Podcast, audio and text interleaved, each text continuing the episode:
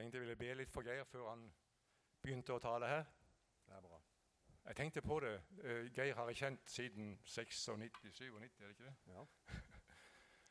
Og jeg tenkte på det er faktisk noen som har betydd mer for meg i mitt kristne liv enn andre, for å si det sånn. Førsteplass har min far og mor. De har betydd det meste. Så er min gamle søndagsskolelærer, som fikk meg til å velge rett.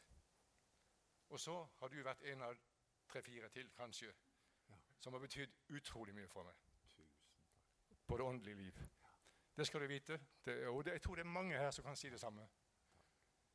Er det gjensidig, Asmund? Da ber vi Jesus, jeg ber at du skal være med Geir nå i formiddag. La han få kjenne at det, her er det godt å stå og formidle ditt ord som du har lagt på hans hjerte, Herre. Jeg ber virkelig at han skal få kjenne at han kan stå her og gi ut, og at vi er mottagelige for det som kommer, Herre. Må det gjøre en forandring i våre liv, og at vi kan gå ut velsigna for dette møtet, Herre. Hjelp oss til å være åpne og ta imot. Det ber om. Velsign Geir. Amen. Amen. Tusen takk. Hører dere meg greit? Ja. Veldig kjekt å være i Salem. Flott å se dere alle sammen. Eh, og det er jo en sånn en, uh, lys og glad vil jeg si, tone i gudstjenesten. Og jeg tenker det skulle bare mangle. Eh, vi samles på søndagen, som er oppstandelsesdagen. Og eh, av og til har jeg tenkt at eh, atmosfæren i en gudstjeneste den eh, skulle jo ligne på atmosfæren i fotballgarderoben etter at man har vunnet cupfinalen. Det skulle være noe likhetstrekk, fordi eh, når vi samles, så er det på bakgrunn av at det er vunnet en seier. Synden er sonet, djevelen er overvunnet, døden er beseiret. Og det er dette som samler oss. Og Det er også det som er teksten min eh, i dag. Eh, vi skal lese fra første Korinterbrev, kapittel 15, tenkte jeg. Og eh, eh, de eh, seks første versene der. Første Korinterbrev 15 i Jesu navn. Der står det Jeg kunngjør for dere søsken det evangelium jeg forkynte dere, det dere også tok imot, det dere også står på. Gjennom det blir dere også frelst, når dere holder fast på ordet slik jeg forkynte det. Ellers blir det forgjeves at dere kom til tro. For først og fremst overga jeg til dere det jeg selv har tatt imot, at Kristus døde for våre synder etter Skriftene, at han ble begravet, at han sto opp den tredje dagen etter Skriftene, og at han viste seg for Kefas og deretter for de tolv. Deretter viste han seg for mer enn 500 søsken på én gang. Av dem lever de fleste ennå, men noen er sovnet inn. Amen. Ja, Paulus sier det var dette han forkynte. Dette var evangeliet. At Kristus døde for våre synder. At han ble begravet. At han sto opp på den tredje dagen og at han ble sett av en rekke personer etterpå. Ved det budskapet blir dere frelst, sier han. Så det er det det skal handle om i, i um, formiddag. Som en inngang inn i det Jeg leste jeg tror det var i forrige uke, en artikkel om Søren Kirkegård i Vårt Land. Kanskje noen av dere leste den. Han skal Verkene hans skal utgis i pocketform til nye lesere, skjønte jeg. Og Der leste jeg uh, at en som har studert Kirkegård i mange år Jeg tror han het Cappelørn. Uh, han sa det at det som fikk Kirkegård til å skrive, det var denne rustende eksistensielle erkjennelsen av at det som skulle være det naturligste av alt, det at vi alle var glade, det er ikke sånn, sier han. Og det var en sånn en skakende opplevelse for han når det gikk opp for han. Det naturligste av alt skulle jo være at vi var glade, og så er vi ikke det. Og han sier det at grunnstemningen i det samfunnet han levde i, det var fortvilelse. Ja, Nå levde vel han på 1800-tallet. Men eh, hvordan er det i dag? Ja, denne Cappelørn da, som eh, er intervjuet om Kirkegård, han eh, sier det at Kristelig Dagblad i Danmark de hadde foretatt en undersøkelse og der sier 60% av danskene som har svart, at de er skuffet over livet. Og mest skuffet er unge mennesker. Så det er liksom en strømning i tiden. Kirkegård sier at det som kunne hjelpe hans samtid, det var å forstå. Kanskje høres det rart ut. Men han sier det som kunne hjelpe han samtidig, var å forstå hva synd og eh, eh, skyld er for noe. Fordi han sier at bakgrunnen for denne, denne fortvilelsen og dette at man ikke er lykkelige, det er bl.a. at man opplever et spenn mellom ideal og virkelighet. En ting er eh, drømmene som vi har om hvordan jeg skal være, og livet mitt skal være. Og en annen ting er eh, hvordan det faktisk er. Og dette spennet mellom ideal og virkelighet, det skaper da denne misstemningen i, dypt inne i, i, sjelen vår. Og Så sier han altså at det som kunne hjelpe eh, hans samtid, det var en forståelse av hva synd og skyld er for noe. Men det ville man ikke høre på. Også hans samtid var en eh, sekularisert samtid. Og synd og skyld det var begreper som var ut. Og slik er det jo i dag også. Synd og skyld de har vi tatt ut av ordbøkene, ikke bokstavelig kanskje, men på en måte, og vokabularet. For Og da er det Kappeløren som sier at eh, det er viktig for eh, eh, vesteuropeere, nordeuropeere, og formidle til barna sine at de ikke har skyld. Fordi at Man må jo styrke deres selvtillit. Det viktigste av alt er å styrke deres selvtillit. Og Hvis man sier til dem at de har eh, skyld på noe område, så tar man fra dem deres selvtillit. Og Derfor så sier Cappelorm noe pussig. Han sier er, jeg ser en tendens i Europa til å guddommeliggjøre barna. Der man sier til dem dere har ikke skygge. Dere har ingen bakgård. Dere har ikke skyld. Nå er det bare det at vi lar oss jo ikke lure så lett. Og innerst inne så vet unge og gamle at det er et spenn mellom ideal og virkelighet. Hos oss. Det vet vi om. Vi vet at vi kaster skygge.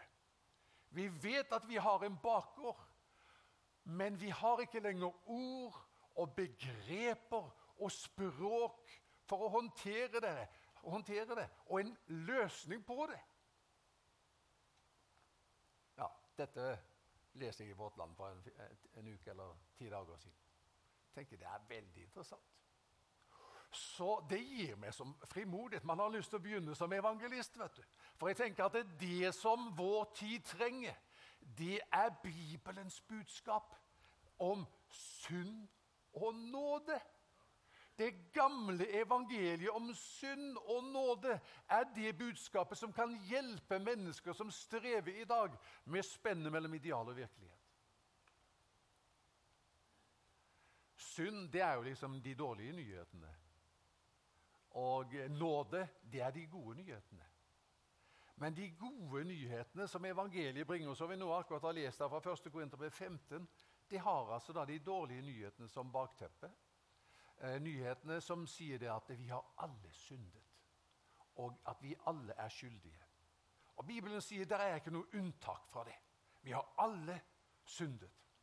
Ja, når vi leser beskrivelsen i eh, i Bibelen om eh, Bibelens menn og kvinner, så kunne vi jo tenke hm, det er visst noen unntak. Noah, han var et unntak. Hva står det om han? Vi leser om, eh, om Noah. Noah var en rettferdig mann, en helstøpt mann i sin tid. Noah vandret med Gud. Det er litt av en attest å få. En rettferdig mann, helstøpt, vandret med Gud. Hmm. Og like før vi skal løfte han opp av den gemene hop og plassere ham på en pidestall, hva gjør Noah? Drikker seg full. Der rakna det. Han er en av oss. Eller en av oss. Vel, vel. Det er det, det er, jeg ser på mange av dere. Det har dere aldri gjort. Men hva med David, da? David han, liksom, han tilhører ikke oss. Hva sier Gud om ham? Jeg har funnet David, Isais sønn, en mann etter mitt hjerte, som skal utføre alt det jeg vil. Så like før vi skal plassere ham i en annen divisjon, hevet over oss andre som har syndet og har bakgård og har skygge, så ser vi han begår ekteskapsbrudd, er utro, og han synder. David er en synder. Men hva med Moses? da? Har du lagt merke til denne setningen om Moses? Moses var en svært ydmyk mann. Mer ydmyk enn noe annet menneske på jorden. Det var litt av en attest å få. Så han kan vi plassere i en egen kategori. Og Så ser vi at unge Moses tar eh, saken i egne hender, slår i hjel en egypter.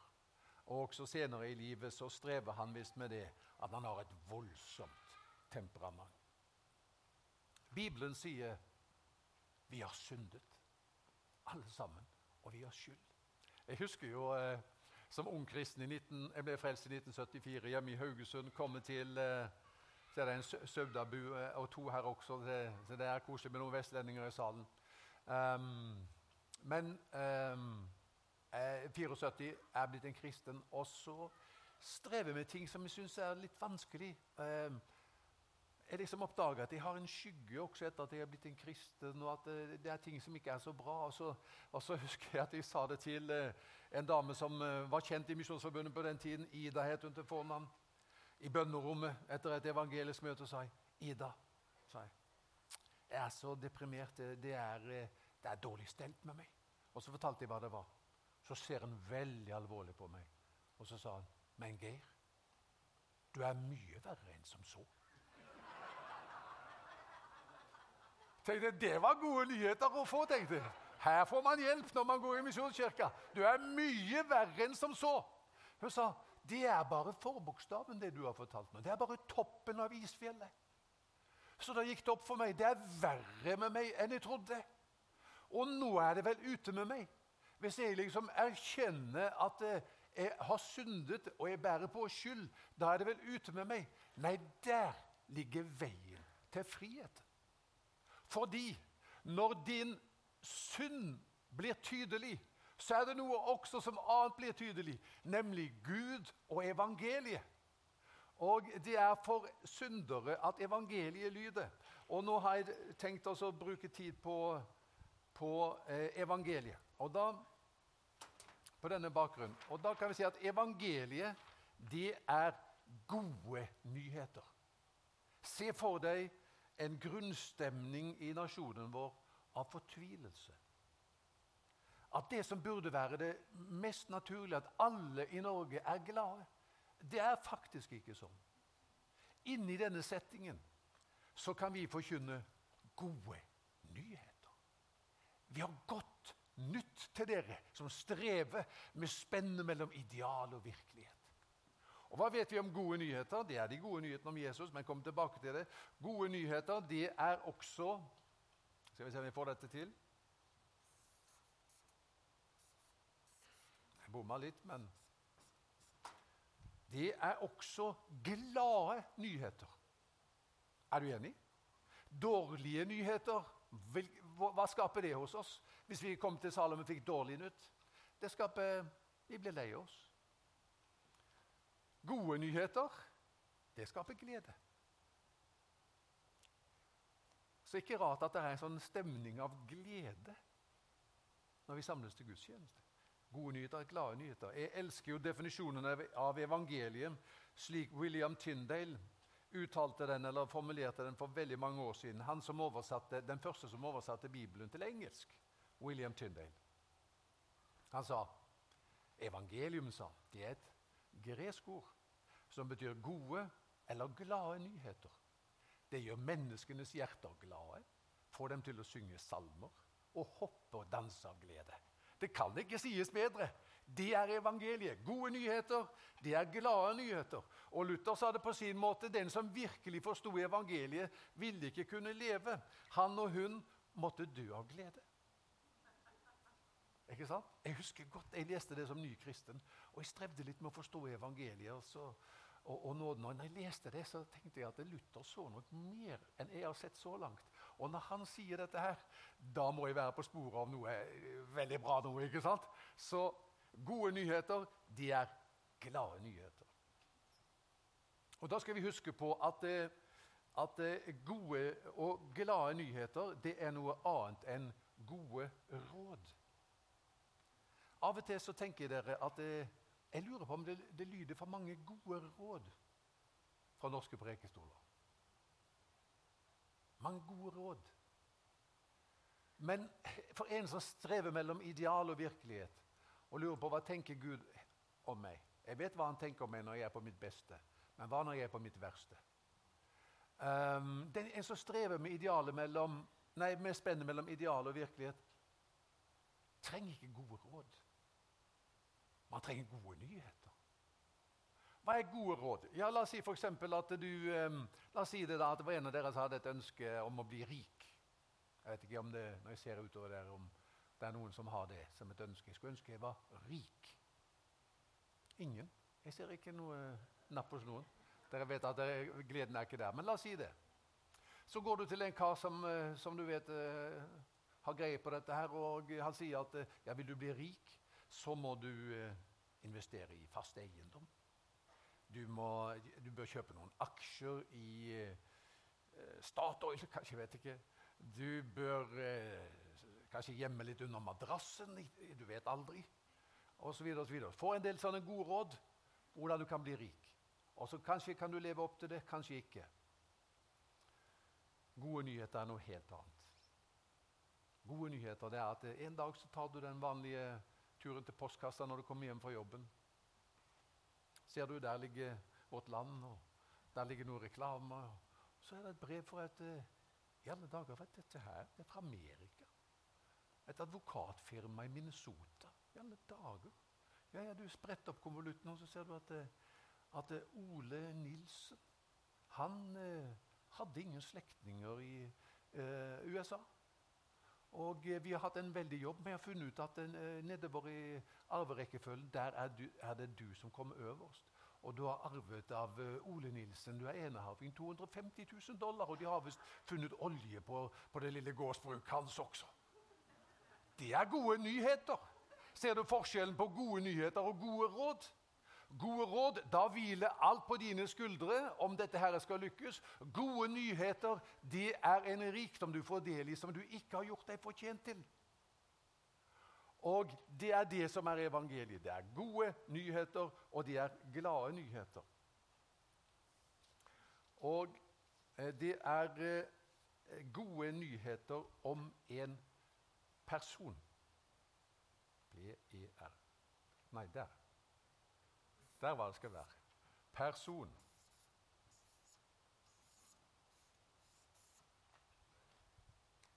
Evangeliet er gode nyheter om en person. Det står i Lukas 24, 27 om Jesus. Han går sammen med de som kalles Emmaus-vandrerne. Og så står det han begynte å utlegge for dem Jesus er jo nå stått opp fra de døde, og de vet ikke om dette. ikke sant? Og så står det at Han begynte å utlegge for dem det som står om ham i alle skriftene, helt fra Moses av og hos alle profetene. Det er et viktig vers. Altså, det må du legge merke til. Der gir Jesus oss gullnøkkelen til å forstå Det gamle testamentet. Han gir oss en nøkkel som Nå ser jeg veldig sterkt på Halvor Hageli. dette, Han er professor i Gamletestamentet. Men der gir han oss en nøkkel til å låse opp Det gamle testamentet, så vi forstår hva handler Det gamle testamentet om? Det står Jesus begynte å utlegge for dem det som står om ham. I alle skriftene, helt fra Moses av og hos alle profetene. Og det er en måte å åpne eh, Det gamle testamentet på som gjør at vi forstår. Det er Jesus det handler om også der. Og Paulus sier i 1.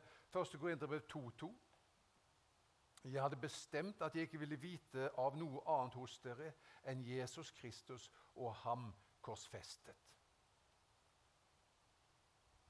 Jesus Kristus og ham korsfestet. Det er essensen, det er brennpunktet i Bibelen. Hva Bibelen handler om. Det handler om en person, om Jesus. Hvis du, La oss ta eksempel, at du går til første, eh, første Samuels bok, kapittel 17. Der leser vi om David og Goliat. Og La oss tenke oss at du leser den på vanlig måte. at eh, ja, eh, Dette er jo om David og hvordan han seirer over Goliat. Og Kanskje har du hørt noen prekener, du også. Eh, du, for David, Hva gjorde David? Han hentet fem glatte steiner i, i elveleiet. Eh, og Så la han dem i, i taska si, og så gikk han mot Goliat. Så tok han en stein i slyngen, og så slynget han den på Goliat, og og så beseiret han Goliat. Og så er altså da jeg, eh, jeg, tror faktisk jeg har forkynt det sånn, jeg også, så jeg er skyldig.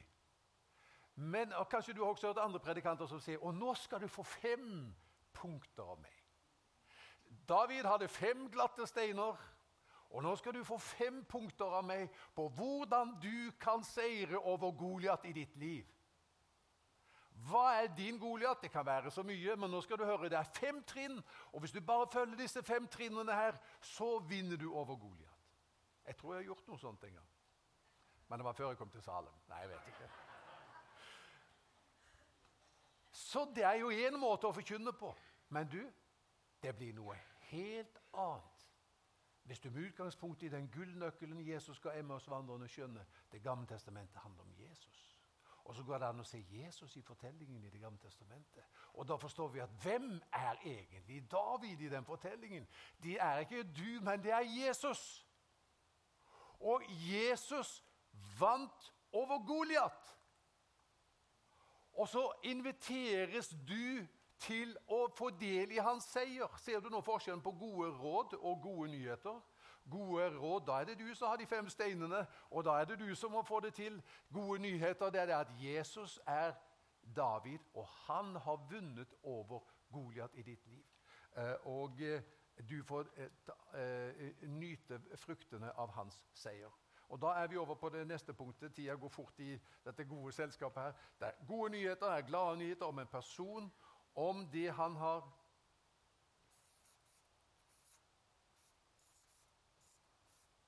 Det han har gjort. Det som frelser oss, det er budskapet om ham som døde, ble begravet og sto opp igjen. Det budskapet frelser oss. Noen sier at evangeliet det er kristendommens ABC. Og, og, og, så kan man avansere til andre viktige ting. Men evangeliet det er kristendommens A til Å. Det er det som frelser oss og redder oss og hjelper oss gjennom hele livet. Og hva var det Jesus gjorde? Han er David. Han vant over Goliat, og Goliat kan representere våre tre hovedfiender. Og De tre hovedfiendene det er synden, det er døden, og det er djevelen. Og de vant Jesus over. Det står i Romerbrevet 6,6.: Vi vet at vårt gamle menneske ble korsfestet med ham for at det legeme som er under synden, skulle gjøres til intet, og vi ikke lenger være slaver under synden. Synden fremstilles her som en makt, og vi er slaver under synden. Og Det som skjedde da Jesus døde, ble begravet og sto opp igjen, det var at han Her står det 'gjorde til intet'. Det betyr sette ut av kraft. Det legeme som er under synden, det er altså eh, mitt lavere jeg. Det er de tingene i meg som gjør at jeg er styrt av synder og er en slave under synder. Han vant over det på korset fordi at jeg dør der på korset sammen med ham. Og ved hans død og begravelse og oppstandelse, som er min død og begravelse og oppstandelse, så blir jeg frigjort fra syndens makt og kraft over mitt liv. Et dårlig eksempel skal du få av meg nå. Skikkelig dårlig eksempel. Uh, men jeg kom ikke på noe bedre akkurat uh, i går. Her før jul så skulle jeg kaste en um, trimsykkel. En svær, tung Det var så tung trimsykkel. Så jeg fikk den opp i hengeren, og så kjørte jeg til um, til Mjåvann miljøstasjon. Uh, og der vet du, Hvis du har vært der, så er det jo da mange containere bortover. og Der har du papiravfall, der har du treavfall, og der har du eh, restavfall, og så har du metallavfall. Så jeg eh, rygger bilen og henger den opp til containeren med metallavfall. Tar i denne trimsykkelen, tung, og skulle jeg tøffe meg litt. Jeg tenkte det må være noen som ser meg nå. Så tar jeg den, løfter den opp, og den var tung. Men ikke sant? Tar den, Løft den opp. Sånn. og så kaster den i en nydelig bue sånn der, og så skal den ned der. Det var bare ett problem. Setet på den der hekta seg i jakka mi. Så den som ble med på reisa, gjennom lufta og ned i containeren, det var Geir Johannessen. Svigersønnen min, mente at jeg havnet i feil container. Det var en annen sak. Han mente det er andre containere som passer bedre med en papp, blant annet. Kanskje. Men Så jeg var med på en reise Ok, det var en dårlig illustrasjon. Men i forhold til hva Kristus har gjort på korset jeg forstår det, Skjønner du nå hvor dårlig illustrasjon? Men han ble korsfestet, han ble begravet, og han sto opp igjen. Og på forunderlig vis Dette har jeg når jeg kommer til å tro på ham del i. Så jeg er med på den reisen. Der kommer parallellen. Jeg er med på den reisen. Jeg dør med ham blir begravet med ham og reises opp med ham. Og da er jeg fri! Det er det dåpen illustrerer. Og Jeg glemmer jo ikke den der dåpshandlingen som vi hadde her for lenge siden. Harald og en veldig koselig kar som også heter Harald, som kom fra Namsos. Og eh, Han skulle ned der, og så snur han seg idet han skal døpes, og så bare sier han 'Adjø, gamle liv', sier han. Var ikke det fint?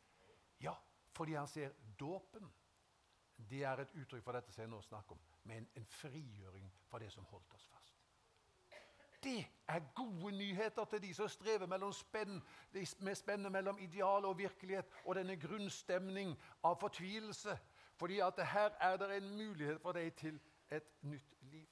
Så det er det ene. Han eh, har gjort til intet legeme som er under synden, og satt oss fri fra den tvingende eh, nødvendigheten som det før var, at vi skulle gjøre hva synden sa. Sånn behøver vi ikke lenger.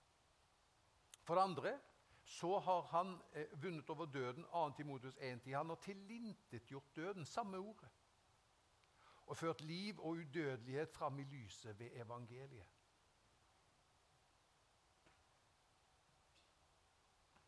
Det er en fiende. Døden. Hvordan skulle vi kunne hamle opp med døden? Men han har hamlet opp med døden. Han har tilintetgjort døden og ført liv og udødelighet fram i lyset ved evangeliet. Wow! Er du redd for døden? Nei?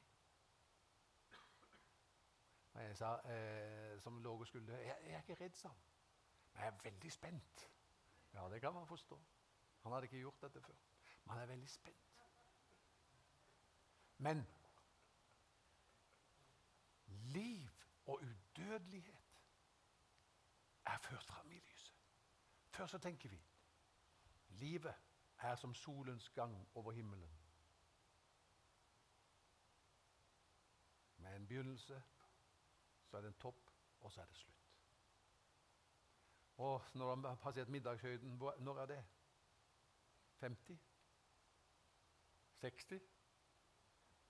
Og fra da av går det jo nedover. Gjør det ikke det? Nedover, nedover, nedover. Å, så trist det er når man har blitt 50. Det er forferdelig trist å være fylt 50. For ikke å snakke om 60. Da er det skikkelig Er det sånn? Det er ikke sånn. Det er ikke i nærheten av å være sånn. Hvis vi skal tegne den kurven som, som handler om det kristne livet, så er det sånn.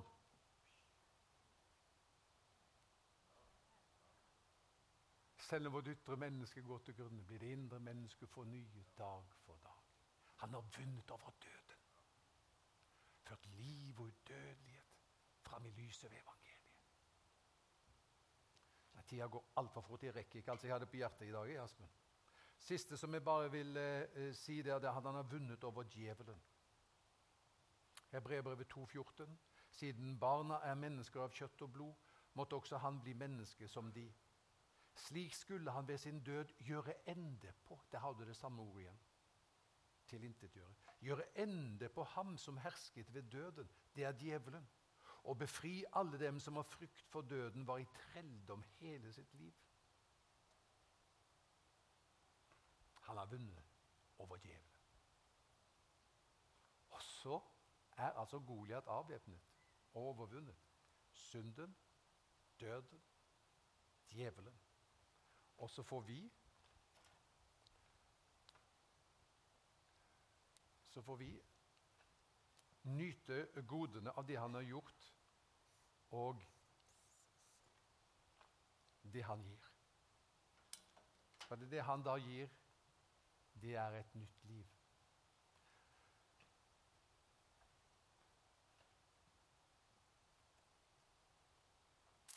Jeg har ikke tid til å si mer om det. Jeg hadde hatt lyst til å si mer om det, men jeg får komme hjem igjen, igjen en annen gang. Men tida er gått uh, ifra oss. Har ikke tida gått ifra oss? Nei vel, den har ikke gått ifra oss. Tiden går ikke, den kommer. Det er stor forskjell på det. Vel, på bakgrunn av det som Jesus da har gjort, så kan vi nyte godene av det som han da på dette fundamentet gir.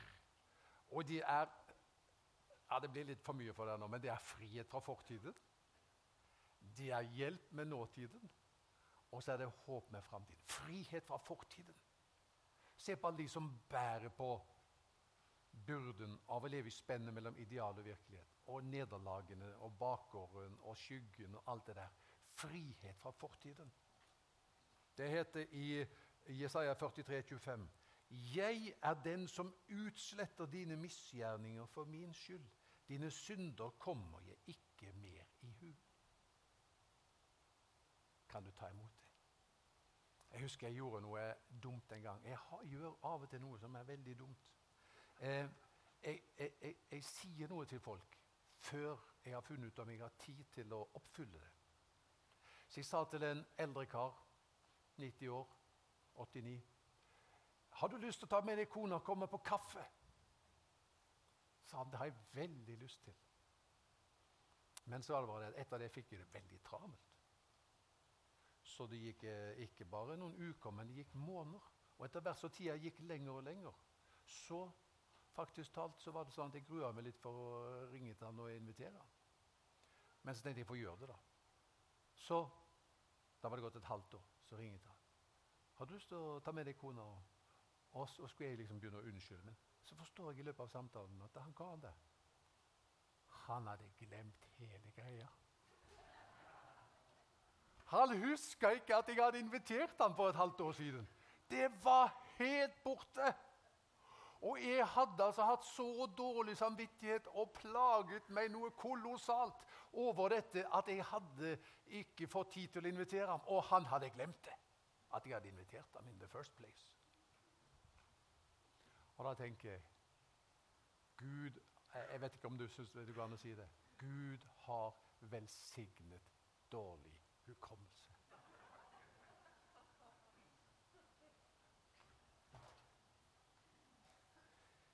Jeg utsletter dine misgjerninger. Dine synder kommer jeg ikke mer i hu. Snakk om gode nyheter. Og hjelp med nåtiden. Det var frihet fra fortiden. Hjelp med nåtiden. Det er dette som jeg sier. Jeg er begravet med ham.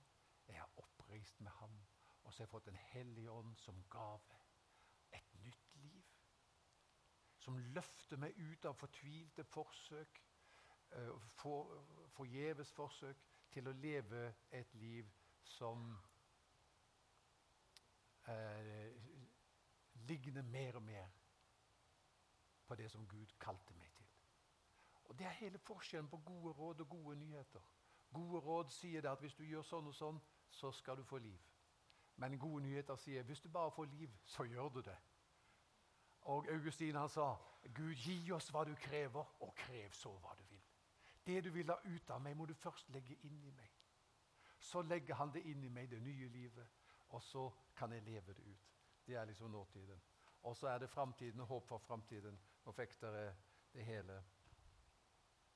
Og det er eh, dette perspektivet. Han sa det, han gutten, eh, til faren sin. 'Pappa, jeg har vært en dårlig kristen.' Men eh, nå, skal jeg begynne, nå skal jeg ta meg sammen. Nå skal jeg lese meg i Bibelen, jeg skal be. Jeg skal være bedre på alle måter. Faren hører på han og sier 'kjempefint'. Men så gikk det en sånn skygge over ansiktet på gutten og sier 'Men pappa, hva hvis jeg mislykkes, da?' Hva hvis jeg går i stykker, alle disse gode forsettene mine? Ja, hva forandres da, sier faren. Så tenker han seg litt om. Nei, vel egentlig, pappa, forandres vel ingenting. For fundamentet for framtiden og for livet, det er at det ble reist et kors og åpnet en grav. Det er ikke min lovoppfyllelse eller min fortreffelighet, men det er hva Han gjorde for meg. Jeg vil at min kristendom skal holde, men om den ikke holder, så holder Kristus og det Han gjorde for meg. Herre, nå skal vi feire nattverd, og vi takker deg for at du er så god. Og vi takker deg for de gode nyhetene som setter oss fri. Og vi kan leve livet under en åpen, solfylt himmel.